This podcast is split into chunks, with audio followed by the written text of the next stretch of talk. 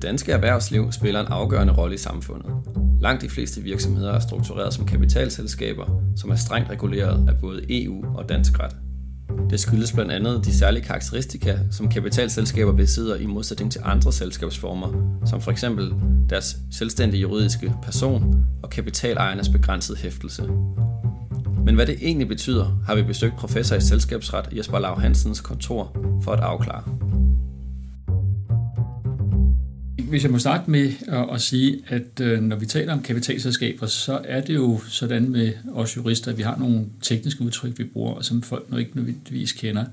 Og kapitalselskab lyder måske lidt fremmed, hvis man ikke lige er inde i jargonen. Det betyder jo aktieselskaber og anpartsselskaber. Og det er simpelthen øh, det, man med det engelske låneord kunne kalde for the workhorse øh, i forretningslivet. Det er simpelthen det, øh, man bruger, når man driver virksomhed. Det er ret sjældent efterhånden, at folk driver virksomhed personligt. Øh, det hænder en gang imellem, og vi har så også nogle øh, selskabsformer, som kan tage højde for det. Men det mest almindelige, det er, at man anskaffer sig enten et anpartsselskab, eller når tingene går lidt bedre, at man bliver større, et aktieselskab. Og det, der så kendetegner dem, det er nok det, der hedder den begrænsede hæftelse. Og den begrænsede hæftelse, det er for kapitalejerne, de personer, som står bag selskabet, simpelthen. Ja, det, det er jo det pudsige, vi taler om, at øh, vi, vi har selskaber med begrænset hæftelse. Det er egentlig noget vås, fordi det er ikke selskabet, der har den begrænsede hæftelse. Selskabet betragter vi, man kan næsten sige, at vi leger, at det er det samme som en person. Vi kalder det en juridisk person. Og det vil sige, at vi leger, at aktieselskaber og anpartsselskaber kan have en retsstilling fuldstændig som en person. Det vil sige, at de kan eje ting, de kan indgå aftaler, de kan blive sagsøgt eller sagsøge andre. De kan kort sagt alt. Den begrænsede hæfelse, den dukker så op. Øh, vi kan se, det sker faktisk i historien. Øh, det sker lidt forskellige tidspunkter i Europa, men i Danmark kan vi se, det sker omkring 1820'erne og derefter. At man begynder at sige, jamen sådan et selskab der, Selvfølgelig er der nogle fysiske personer bagved. Et, et selskab findes jo ikke. Man kan ikke sådan rigtig røre ved det. Man kan ikke øh, slå det på skulderen. Det findes jo ikke. Men det er noget, vi leger. Det er noget, vi forestiller os.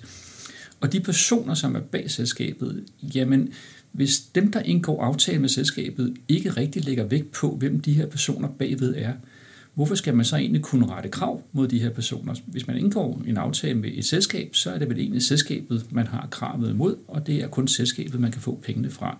Dem, der er bagved, er anonyme, dem har vi ikke så meget at gøre. Og det er interessant at se, at det der med, at man kalder dem for anonyme, dem der var bag selskabet, det er faktisk det samme udtryk, man bruger i Frankrig og i mange af de øh, europæiske lande, man kalder de latinske lande. Der kalder man faktisk aktieselskabet for societære anonyme, okay. altså anonyme selskaber. Så det er den måde at tænke på, der gør det.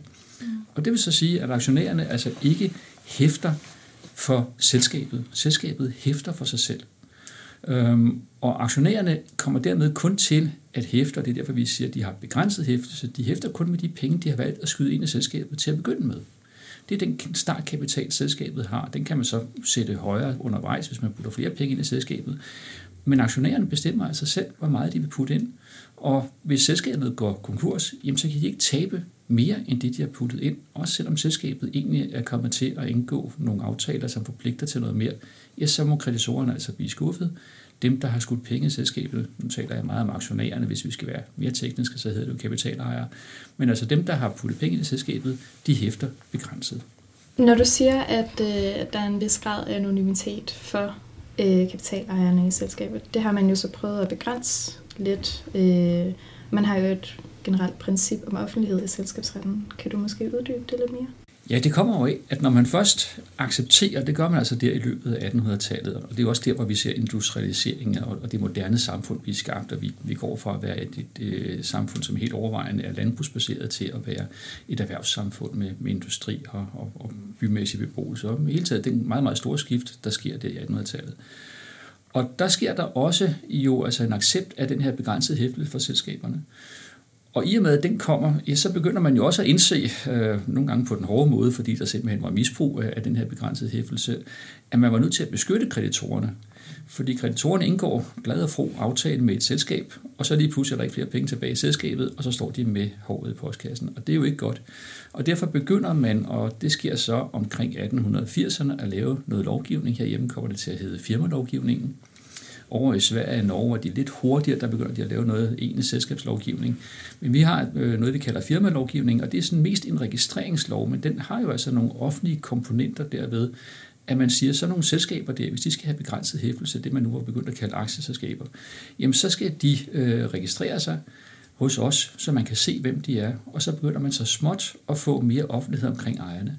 Og den udvikling er jo så accelereret, og navnlig inden for de sidste, og nu taler vi jo i den sammenhæng, sådan en historisk sammenhæng, meget korte periode bagud, som er fra ja, 2000 måske, der har vi fået meget vidtgående regler, som skal forhindre hvidvask og øh, terrorfinansiering og den slags ting. Og de gør, at man i meget vidt omfang skal kende dem, der er ejerne af selskaberne. Så man har altså fået en, en meget høj grad af offentlighed. Dem, der i dag er kapitalejere i et selskab, de skal tilkendegive sig selv. Dem skal man kende, og de skal registreres, og de er i et register, så man kan se, hvem det er. Så offentligheden har altså fået en meget betydelig adgang til det. Og det har så betydet, at nogle af de gamle træk, vi havde fra, fra de gamle selskaber øh, og den gamle selskabsret, de har altså måtte ændres eller helt opgives. Tidligere havde vi for eksempel noget, der hed i hændehaveraktier. Det var et aktiebrev, som gav ret som aktionær til den, der havde brevet i hende. Det er navnet i hændehaveraktier. Det vil sige, at man kunne være anonym over for selskabet, og først når der var generalforsamling, så kunne man dukke op og vifte med sit aktiebrev og sige, jeg har det i hende, altså har jeg lov til at komme ind som aktionær. Og først da kunne man give sig til kende. I mellemtiden og resten af tiden kunne man være anonym. Så nogle ting er ikke øh, tilladt længere. De findes simpelthen ikke mere, så det har vi måtte afskaffe. Så der er sket et meget kraftigt øh, skifte for at beskytte kreditorerne, men også altså af andre hensyn, som samfundet synes er vigtige, for eksempel at undgå øh, hvidvask og den slags ting. Okay, og det, det er interessant, fordi det leder mig til mit næste spørgsmål, hvor jeg tænker på, hvis man gerne vil øh, beskytte kreditorerne i sådan et kapitalselskab, så er det jo fint at vide, hvem der står bag øh, selskabet og faktisk har den økonomiske øh, gavn og interesse i selskabet.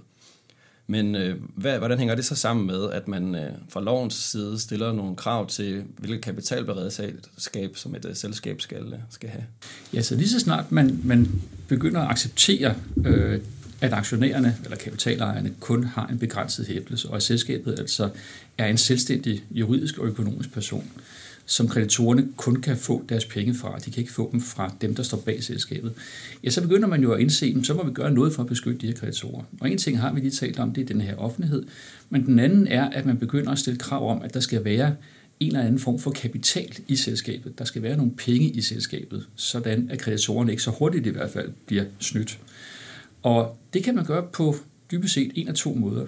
Den gamle øh, og mest primitive, men også enkle måde, det er at sige, at der skal være et vist beløb i selskabet, når det bliver stiftet. Det er det, vi kalder et krav om minimumskapital. Det er en meget enkel måde at gøre det på. Til gengæld må man også sige, at det er en ret fjollet måde at gøre det på, fordi den hænger jo ikke sammen med, hvordan selskabet øh, fungerer, hvor stort det er, hvilke forpligtelser den tager på sig. Det er sådan helt tilfældigt, at man siger, at der skal være et eller andet bestemt beløb. Øh, den anden metode, som er blevet den dominerende i dag, det er så ikke helt tilfældet i Danmark, vi, vi har den også, men vi har også krav om minimumskapital, men det er, at man siger, at kapitalen skal svare til de forpligtelser, som er i selskabet. Altså hvis man øh, har et lille selskab, som ikke lever ret meget, så behøver man ikke have ret mange penge i selskabet, men er man et stort selskab, som påtager sig en masse forpligtelser, så skal man have flere penge i selskabet. Og det, der er interessant ved den metode, det er, at man dermed gør dem, der står bag selskabet, ansvarlige for, at de faktisk har puttet penge nok ind i selskabet. Og det er, tror jeg, de fleste synes, en mere elegant måde, end at sige, at der skal være et eller andet bestemt beløb. Altså for tiden øh, siger vi, at der skal være 40.000 øh, kroner anpartskapital øh, i et APS. Det er jo sådan et tilfældigt tal. Det kunne godt være 25.000, eller det kunne være 200.000, hvad det var for nogle år siden. Så det er sådan en, en, en lidt primitiv måde at gøre det på. Hvis man derimod siger til anpartshaverne, I må tage ansvar for, at der er penge nok i selskabet så får man jo en meget mere fleksibel model. Og hvis de så ikke gør det, og de driver selskabet uforsvarligt, det vil sige, de driver selskabet og påtager sig en masse gæld, som der ikke er penge til, så kan de personligt blive ansvarlige. Så det skal man altså lægge mærke til, at selvom vi taler om, at der er begrænset hæftelse, så er det faktisk sådan, at dem, der står bag selskabet, har hånden på kogepladen, derved, at hvis de driver selskabet uforsvarligt, ja, så bliver de personligt ansvarlige. Okay, og det er det, vi normalt vil kende som et ledelsesansvar, og så ja. hvis man har handlet tilstrækkeligt uaksomt, måske groft uaksomt, at så kan man faktisk gennembryde det her hæftelsesbegrænsning. Ja, det er vigtigt at holde fast i, at, at, øh, at det er først og fremmest et ledelsesansvar. Altså, som jeg sagde før, et selskab findes jo ikke. Øh, der, der, det, det er jo noget, vi leger, og derfor skal der være nogle fysiske personer, som, som kan håndtere selskabet. Og det er jo først og fremmest ledelsen. Og igen, som vi også talte om før, der er offentlighed. Man ved altid, hvem ledelsen er, for de er simpelthen registreret i et offentligt register. Det er Erhvervsstyrelsen herhjemme, der, der kører det register. Så det kan man se online øh, til hver en tid. Det er først og fremmest deres ansvar, at selskabet bliver drevet forsvarligt. Og det vil sige, at man ikke påtager sig om, øh, omkostninger, udgifter og gæld i det hele taget, så man må indse, at det kan man aldrig betale tilbage. Hvis man gør det alligevel, så bliver man som leder personligt ansvarlig. Men det er altså også vigtigt at holde fast i, at de aktionærer og anpartshavere, altså hvilken slags selskab vi har med at gøre, dem der står bag selskabet som investorer, de kan faktisk også blive personligt ansvarlige. Det er det, som du meget rigtigt kalder for, at man gennembryder den der begrænsede hæftelse. Vi ser simpelthen bort fra den begrænsede hæftelse, så siger vi, ja, men hvis du som kapitalejer, som den, der egentlig bestemmer i selskabet, har været med til at drive det her selskab uforsvarligt, jamen så hænger du også på regningen, så kan du også blive personligt ansvarlig. Så det der med den begrænsede hæftelse, det gælder altså kun så længe man driver selskabet forsvarligt. Til gengæld så er der altså den realitet i det, at hvis man har puttet penge ind i selskabet, som er forsvarligt, og det så ikke går så godt med virksomheden, ja, så er det jo ikke sådan, at så bliver man altid gjort ansvarlig. Så længe man har drevet selskabet fornuftigt, og det om man så sige, bare går dårligt, det er ikke ens egen skyld, men, men man kan ikke rigtig få solgt de produkter, man gerne ville, og kunderne vil ikke rigtig komme, og det går dårligere og dårligere, og på et tidspunkt går man ned, jamen så er, gælder den begrænsede hæftelse. Så kommer man ikke til at hænge på nogen regning. Det gør hverken øh, ledelsen eller dem, der står bag, altså ejerne. Så må kreditorerne tage det tab, og så må kreditorerne jo se sig for, når de indgår aftaler med selskaber. Det, det er jo meget rart at vide, at man kan øh, tage en, en dårlig beslutning, men på et fuldt oplyst grundlag, og så alligevel ikke øh, blive øh, stillet til regnskab personligt for det i hvert fald. Så længe den ikke er uforsvarlig, ja, så, så er hele ideen med det, at, at man kan drive virksomhed. Jeg synes, det er vigtigt at understrege, fordi nogle gange, især i medierne, så får man det indtryk, at hvis en virksomhed går ned, så er der nogen, der har gjort noget skurkagtigt. Det er desværre ikke tilfældet. Øh, meget ofte går virksomheder ned, simpelthen fordi de ikke er dygtige nok i forhold til de andre. Man kan måske sige, at de var dygtige nok, de andre var bare dygtige over og så går man ned. Så altså, har vi en fri markedsøkonomi, og det er helt klart det, der virker bedst, kan vi se, når vi sammenligner med andre måder at drive øh, samfund på, ja, så må vi også acceptere, at nogle selskaber går ned. Øh, når du siger, at man kan gennembryde den her begrænsede hæftelse, både i forhold til ledelsesmedlemmer, men også i forhold til de bagvedstående kapitalejere, skal der så ikke rigtig meget til, for at den passive kapitalejer kan blive gjort ansvarlig for fejl? Jo, jeg, jeg vil da sige, at en passiv øh, aktionær eller anpartshaver, altså en passiv kapitalejer, vil aldrig blive godt ansvarlig. Fordi det, der gør dig ansvarligt, på trods af hovedreglen om, at du altså har begrænset ansvar, at du kun hæfter med de penge, du har skudt i din selskabet. Det, der gør, at du bliver ansvarlig, er netop, at du ikke bare er passiv, men at du rent faktisk aktivt har været inde og træffe nogle beslutninger, som så ovenikøbet må siges at være uforsvarlige. Mm. Øh, så jeg vil sige det på den måde, man skal ikke være bange for at øh, investere i selskaber, og man skal ikke være bange for at drive sin virksomhed som et selskab, fordi det hele er altså lagt an på, at som udgangspunkt skal du ikke hæfte. Kreditorerne må se sig for. Men vi er nødt til at have nogle regler om, at hvis du nærmest bevidst forsøger at pådrage dig en gæld, som du udmærket godt ved, det her kommer vi aldrig nogensinde til at kunne betale, jamen så grove tilfælde skal vi selvfølgelig acceptere. Og det gør vi så heller ikke. Så det er der, øh, de her personlige hæftelser kommer på tale. Okay, jeg vil egentlig gerne vende lidt tilbage til øh, det her med kapitalkravene og de to beløb. Nu nævnte du det ene med øh, anpartsselskaber, hvor man øh, for tiden skal bruge 40.000 kroner for at stifte sådan et, og 400.000 for et aktieselskab. Men øh, hvor kommer de her regler egentlig fra, og øh, er det konformt i forhold til andre øh, lande i verden? Ja, så reglerne kommer øh, oprindeligt fra Tyskland, som øh, på mange måder jo har været et, et dominerende land øh, i Europa alene i kraft af deres størrelse, men også i kraft af, at, at, at det er jo ret velfungerende øh, og dermed også velhævende land. Så de har påvirket på rigtig mange måder, og, og meget af dansk ret er jo påvirket af tysk ret. Øh, det er ikke altid, vi, vi er klar over det, men, men rigtig meget af vores obligationsret og ejendomsret, altså de helt grundlæggende ting, er jo faktisk øh, tysk påvirket. Og det gælder også her på selskabsrettens område. Måske ikke så meget lige præcis på selskabsrettens område, der er vi faktisk lidt mere præget af den øh, retstradition, som man finder i det øvrige Norden. Øh, man kan endda tale om, at, at nordisk selskabsret faktisk øh, næsten udgør en familie for sig selv. Øh, men vi kan også pege på, at, at vi ligner det, der findes i England og i USA og, og, og mange andre steder i den vestlige verden. Så måske er det i virkeligheden rigtigt at sige, at, at tysk selskabsret er lidt specielt i forhold til mange andre lande. Og det, der gør tysk selskabsret specielt, det er blandt andet, at man altså har nogle ret sådan håndfaste regler, øh, måske endda meget ufleksible regler, om at der skal være et vist beløb inde i øh, selskabet, som vi kalder for en kapital, en selskabskapital, og den må i realiteten ikke røres. Den skal stå og beskytte øh, kreditorerne. Og det er jo en, en nem måde at, at beskytte kreditorerne på. Det er bare også en meget urealistisk måde. Fordi lad os nu sige, at et selskab får indbetalt 40.000 i anpartselskabskapital så bruger de nogle penge på at få, få noget legemål, og de bruger måske også nogle penge på nogle maskiner og noget andet. Og meget hurtigt så er de 40.000 blevet brugt. Og hvis det så ikke lykkes mig at få solgt de ting, de havde regnet med, så tjener de ikke nogen penge. På et eller andet tidspunkt, så bliver huslejen og de andre udgifter, de har, jo det, der får selskabet til at krakke. Og hvad hjælper det så kreditorerne, at der engang var indbetalt 40.000? Det er nogen lige så øh, som at sige, at jamen, altså, i går der skinnede solen, jamen det hjælper jo ikke noget, hvis det regner i dag. Det bliver man jo ikke varmere af. Så den måde at beskytte kreditoren på er meget primitiv. Og derfor kan vi også se, at flere og flere lande går væk fra at have kapitalkrav til deres selskaber. De har ikke noget krav om, at der skal være mindst 40.000 i, i anpartsselskaber eller mindst 400.000 i aktieselskaber. De går væk fra den slags og prøver at lave den anden model, som altså handler om, jamen du må kigge på, hvad du har tænkt dig at bruge selskabet til, og så må du sørge for, at der er en forsvarlig arbejdskapital i forhold til det. Og hvis du ikke gør det, ja, så driver du selskabet uforsvarligt, og så kommer du altså i problemer. Og det synes jeg jo faktisk er interessant, når man øh, også skal sammenligne det her med EU-retten. Fordi øh, som bekendt er der jo også de fri bevægelighed inden for EU, så hvis øh, der er nogle af de andre medlemsstater, hvor der er nogle andre krav til, hvad man for eksempel skal bruge i startkapital for at stifte et kapitalselskab, så kunne man faktisk i princippet stifte sit selskab i et andet land, men stadig udøve sin aktivitet i Danmark.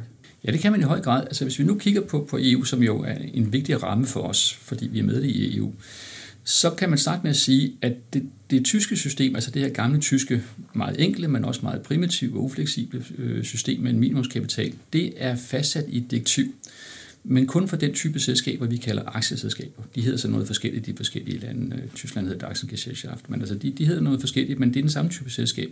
Så der har direktivet altså lust øh, retsudviklingen fast. Der skal være en minimumskapital i aktieselskaber. Det kan vi ikke beslutte at lade være med. Men vi har også det, der hedder anpartsselskaber, som også hedder noget andet. I Tyskland hedder det GmbH.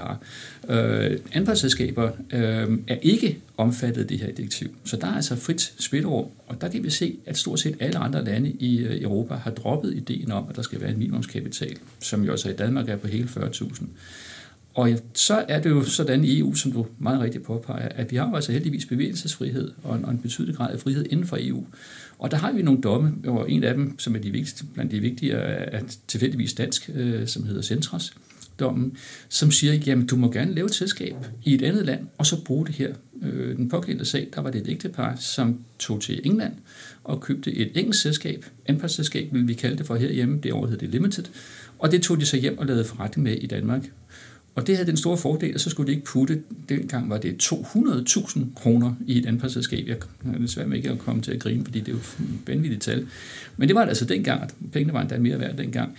Så det var jo øh, en, et meget, meget stort krav, men det kunne man altså lade undgå ved at bruge et engelsk selskab i stedet for. Og så sagde de danske myndigheder, nej, det må I ikke, fordi I skal jo bruge et dansk anpartsselskab, og så skal I betale 200.000 kroner ind. Og så sagde EU-domstolen, nej, det kan I altså ikke forhindre dem i. Vi har frihed til at vælge andre.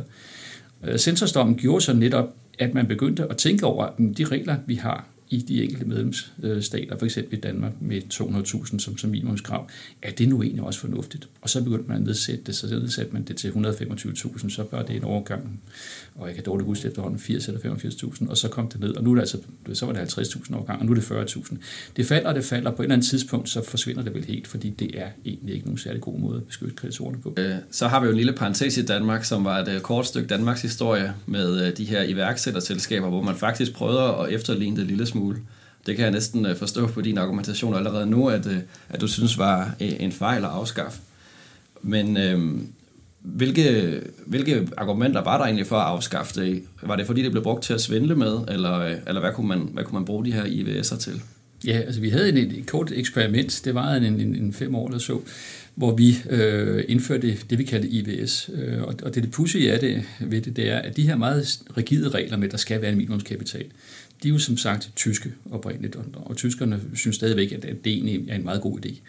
Øh, men selv tyskerne har måttet indse, at det er måske ikke verdens bedste idé. Så tyskerne selv indførte tilbage i 2008 en øh, variant af deres anpartsselskab, altså GmbH, som de kaldte for et øh, Unternehmengesellschaft, altså UG. Øhm, og det særlige ved det var, at lige præcis den der type selskaber, sådan en slags iværksætterselskab, de skulle altså ikke have et minimumskapitalkrav, som ellers gælder i Tyskland. Så selv det meget, meget konservative Tyskland kunne altså indse, at det var måske en meget god idé at lave for hjælp iværksættere et selskab, som ikke behøvede at have det der høje minimumskapitalkrav til at begynde med. Og det blev vi inspireret af i Danmark, øh, og så hvad hedder det, indførte vi iværksætterselskabet, som altså var en variant af anpartsselskabet, men med den forskel, at man ikke behøvede at indbetale de 40.000. Øh, der skete så desværre det, at øh, en, en, en del af medierne begyndte at omtale de her selskaber som indkroneselskaber, hvad der er noget forfærdeligt vrøvl. Men jeg tror, at misforståelsen skyldtes, at man behøvede sådan set kun at betale en krone ind. Men det man jo så glemmer, det er, at du skal også have en kapital, der svarer til det, du driver selskabet for, altså den forretning, du har. Og det vil sige, det vil jo næsten altid være hammerende uforsvarligt, kun at have betalt en krone ind. Men det var ligesom det billede, der blev givet. Og så skete der desværre det, at vores skattevæsen i mellemtiden brød noget så dels sammen. Øh, det er jo sådan almindeligt kendt, at øh, man pludselig øh, samlede en masse skattemyndigheder til en skattemyndighed, som så til gengæld ikke kunne fungere særlig godt, fordi deres forskellige systemer kunne ikke tale sammen. Og så skete der desværre det, at øh, det blev opdaget i de øh, sådan mere brødne øh, dele af øh, erhvervslivet, at man faktisk kunne snyde med de her selskaber og ikke blive opdaget, simpelthen fordi skattesystemet ikke fungerede ordentligt. Og det betød, at øh, snyden med de her kapitalselskaber steg, så man begyndte altså at snyde med aktieselskaber og med anpartsselskaber og med IVS'er. Og øh, det, der så sideløbende skete, det var, at da det blev opdaget, jamen, så var der mange, der sagde, at det må være fordi IVS'erne ikke har nogen øh, kapital. Det må være det, der er problemet. Vi skulle aldrig have, have indført dem. Det var så også en misforståelse, fordi hvis vi kigger på de anpartsselskaber, som jo stadigvæk havde et minimumskapitalkrav, så kan vi se, at der var faktisk mere snyd i dem, end der var i IVS'erne. Hvilket nok hænger sammen med, at hvis du bruger et APS, så vækker du ikke så meget opmærksomhed, som hvis du bruger et IVS. Så hvis du har tænkt dig at snyde nogen, så er det nok smartere at snyde med et APS end med et IVS. Men altså ideen om, at den her meget snyd alene knyttede sig til IVS'erne, det var simpelthen forkert. Men der opstod et politisk pres på den daværende regering om, at vi skulle øh, se at få afskaffet de der IVS'er igen, fordi det var der, hvor der blev snydt. Og det var jo en nem løsning, og politikerne har det jo en svaghed for nemme løsninger, så det valgte man, og så afskaffede man IVS'erne. Øh, snyden den fortsatte stadigvæk, for det havde ikke noget med minuskapitalen at gøre, det var simpelthen et spørgsmål om, at skat ikke fungerede særlig godt. Så snyden den fortsatte øh, nu bare med APS'er og AS'er, øh, uformindsket styrke, men IVS'erne blev altså slået ihjel. Og det var for mig at se en meget dum ting, fordi dermed gjorde vi også jo altså dårligere som iværksætternation i forhold til de andre lande, som øh, har de her øh, selskaber uden kapital, og som jo ikke på nogen måde er plaget af, af misbrug, fordi deres skattesystem er ikke brugt sammen. Øh, det fungerer fint. Så det fungerer altså fint i Tyskland, det fungerer fint i en masse andre lande, men i Danmark har vi afskaffet det, og der skete jo så også det, som man kunne forudse, nemlig at øh, de mange iværksætterselskaber, og, og dermed de mange nye jobs og øh, eksportindtægter og meget andet, som de her IVS'er jo faktisk dokumenterbart havde skaffet, ja, de forsvandt jo så. Så det var et gevaldigt skud i foden. Det var første halvdel i vores optagelse med professor i selskabsret Jesper Lav Hansen om kapitalselskabers rolle i samfundet. I anden halvdel kommer vi ind på selskabernes ledelsesstruktur, det såkaldte corporate governance, og den nye bæredygtighedsregulering, som kommer navnligt fra EU. Tak fordi I lyttede med.